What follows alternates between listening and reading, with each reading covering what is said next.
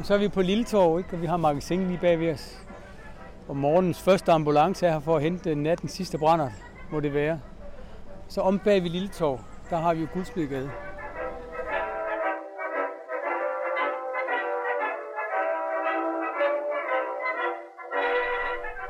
Du lytter til podcasten Aarhus i Ørene. I dag skal vi en tur ind i Guldsmedgade, som oprindeligt blev anlagt for 800 år siden, uden for byens volde. Det er en gade, som har oplevet både krigens skru og bomber under 2. verdenskrig. Men Guldsmedgade har også været vidne til opstarten af to meget berømte forretningskoncepter. Hvad det drejer sig om, det må du vente lidt med at finde ud af. For først skal vi lige en tur forbi Anne i pølsevognen på Lille Tog. Mit navn er Lene Grønborg, og med mig på gåturen har jeg stadsarkivar Søren Bits Christensen.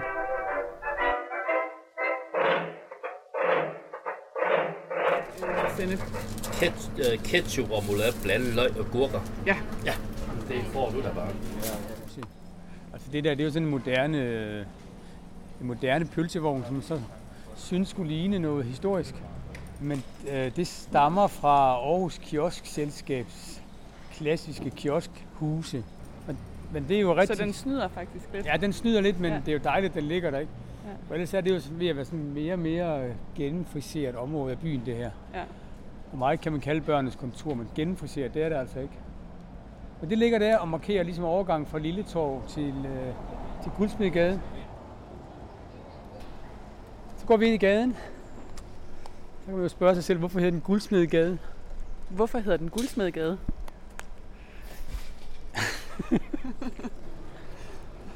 Men det kan sagtens tænkes, at det har noget at gøre med, at her har været en koncentration af guldsmede.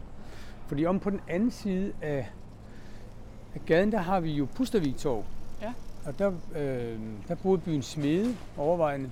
Så hvis smeden har boet der, og guldsmedene her, så giver det mening. Det der hus, vi har lige foran os, det er jo, øh, det er jo et af de mest dramatiske steder i Aarhus' historie. Og også et af de mest tragiske steder. Altså det, der ligger her, som nu er Sunset Boulevard. Ovenover Sunset Boulevard, ja. Det er jo et rigtig flot hus. Hvad er der? 1, 2, 3, 4, fire etager, og så en meget høj kvist. Og det er et flot hus. Det er fra 1890'erne. Men det var faktisk kun et af de huse, der lå hele vejen ned forbi, der hvor Føtex ligger i dag. Det har været, det har været de samme huse engang. Men det er kun det der hus, der står tilbage, og årsagen er, at de andre huse de blev sprængt bort i de sidste måneder af 2. verdenskrig. Øh, natten mellem den 21. og 22. februar, der blev hele det her område ramt af øh, en række bomber, som var anbragt af, øh, af danske nazister, som arbejdede sammen med besættelsesmagten. Og de smed en række bomber her, og så øh, efter de først havde lagt nogle andre steder i Aarhus, og de gik videre ned til Nørregade, men de her bomber, det var altså de voldsomste. Og der dør syv mennesker, og der bliver såret adskillige. 20-30 personer bliver såret, og mange bliver jo såret på, såret på sjælen også øh, for resten af livet. Øh, er tre mennesker i en lille, en lille familie, far og mor, og et lille barn, som, som ikke kommer ud, de brænder ihjel. Og der er to unge piger, som springer ned øh, fra øverste etage og, øh, og mister livet ved det. Og helt op, for, op på kvisten, som vi står og kigger på nu, der boede der en ung malerlærling, som lige var kommet til Aarhus. Han når at komme ud på gaden øh, i sidste øjeblik, og da han så kommer ned, så ser han en, en, øh, en soldat, som peger på ham med en revolver, og, og han når lige at tænke, nu er det slut, men så sker der et eller andet, og, og han slipper så fri. Og det var, ikke, det var ikke hvem som helst, det var vores senere borgmester Torkel Simonsen, som reddede livet der på et hængende hår. Og efter den, der, efter den frygtelige nat, der lå, øh, lå gaden mere eller mindre øde hen, i hvert fald på den ene side, helt op til slutningen af, af 50'erne. Sådan et stort, åbent, blødende sår fra 2. verdenskrig, som lå her og mindede folk om, hvordan de sidste måneder havde været af krigen.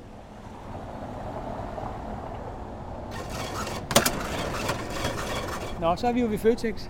Ja. Men det er jo, øh, det her det var et af de første steder i Aarhus, hvor man mødte betongen. Så det var rigtig beton-brutalisme-hus. Og der var mange, der ikke øh, kunne acceptere det hus. De synes slet ikke, det passede ind herinde, nede midt i den historiske by. Og hvornår bliver det bygget, cirka, ser du? Det bliver bygget om, jeg tror, det er 1959. Ja. I hvert fald deromkring. Og så øh, bliver Føtex indrettet på samme tid. Og Føtex, det er jo en Aarhus opfindelse. Så det her, det, det er verdens ældste Føtex. Det siger måske ikke så meget. Det er i hvert fald Danmarks ældste Føtex. Det siger Ja. selvfølgelig noget, ikke? Ja. Og det bliver oprettet af Salling. Af købmand Herman, Herman Salling, som har været i USA efter 2. verdenskrig og fået øje for, hvordan man indretter moderne butikker i staterne. Så kommer han hjem, og så har han det her selvbetjeningskoncept med sig. Og så lykkes det ham jo at fortælle danskerne, at det er en kæmpe serviceforbedring, at de nu selv skal finde deres varer. Men det er altså et betonbyggeri til 4 millioner kroner. Og dengang det stod færdigt, så rykkede Herman Salling annoncer i avisen målrettet den moderne kvinde. Om seks dage opfyldes alle husmøders ønske. Så vil de, som husmøder overalt i den vestlige verden, kunne købe det hele på ét sted. Så åbner Føtex. Og nu er Føtex ligesom smeltet sammen med Guldsmedegade. Det er sådan blevet lidt en institution her, ikke? Jo. Man kan mødes i Føtex. Skulle efter sigende også være byens bedste scorested. Det har jeg hørt, ja. Ja, men jeg ved ikke rigtig, hvem der stemmer på det. Jeg har aldrig set nogen score nogen inde i Føtex. Jeg har i hvert fald aldrig blevet scoret i Føtex.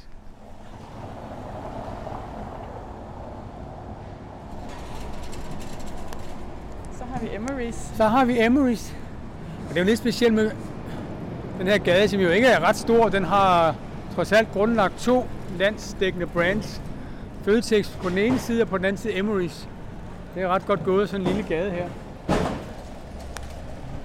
Det er jo ikke det oprindelige Emery's, vi står og kigger på nu. Det er den her um, videreførelse af det gamle konditori af samme navn, vi står og kigger på. Så det er altså et gammelt konditori, øhm, som er etableret i starten af 1900-tallet, eller i hvert fald deromkring. omkring så på et tidspunkt bliver overtaget af en konditor, der hedder Emery. Gå ind på Emery's. Ja, lad os da gøre det. Hvor går du hen og drikker din kaffe? Drikker den nede på stadsarkivet. Nej, helst ikke. Men det bliver der nødt til en gang. Men hvor drikker jeg min kaffe? Så er det godt, på at gå herind.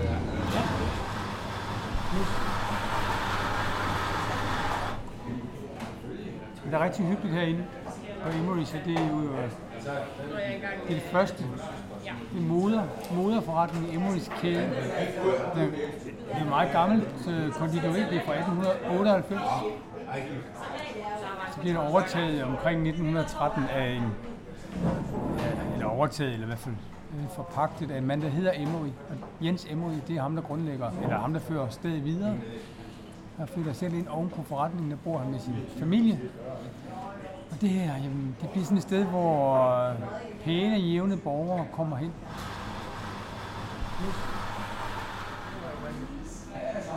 Gulvet hen ved indgangen er det originale. Ja, det ser det ud til at være. Ja.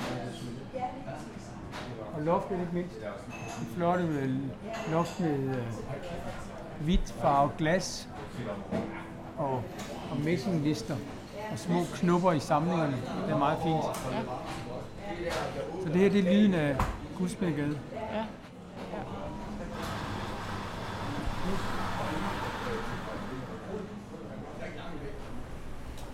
Det var Emmerys.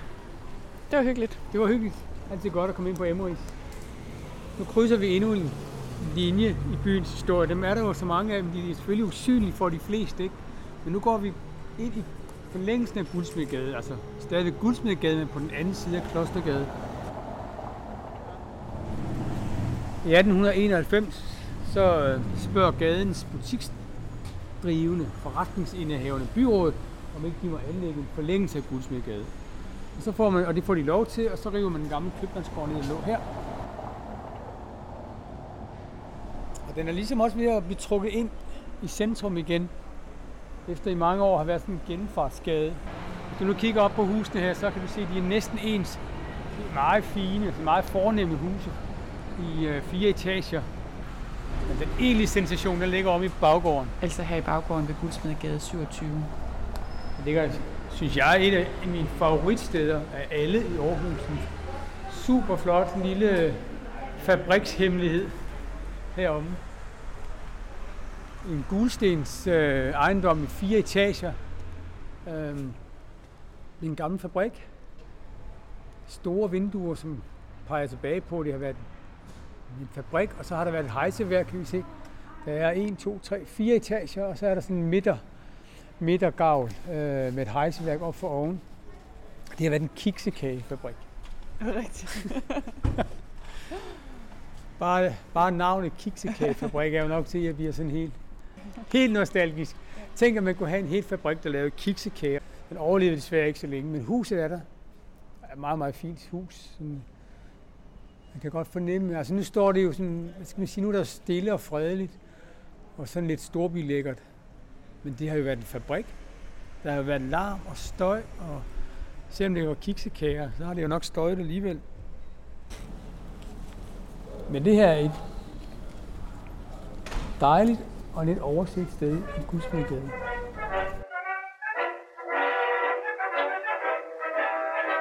Du har lyttet til Aarhus i Ørene. Podcasten er lavet af Lydland i et samarbejde med Aarhus Stadsarkiv, og projektet har fået støtte af Aarhus 2017's pulje Off Track. I spikken som Herman Salling hørte du Hans Blad. Tak fordi du lyttede med.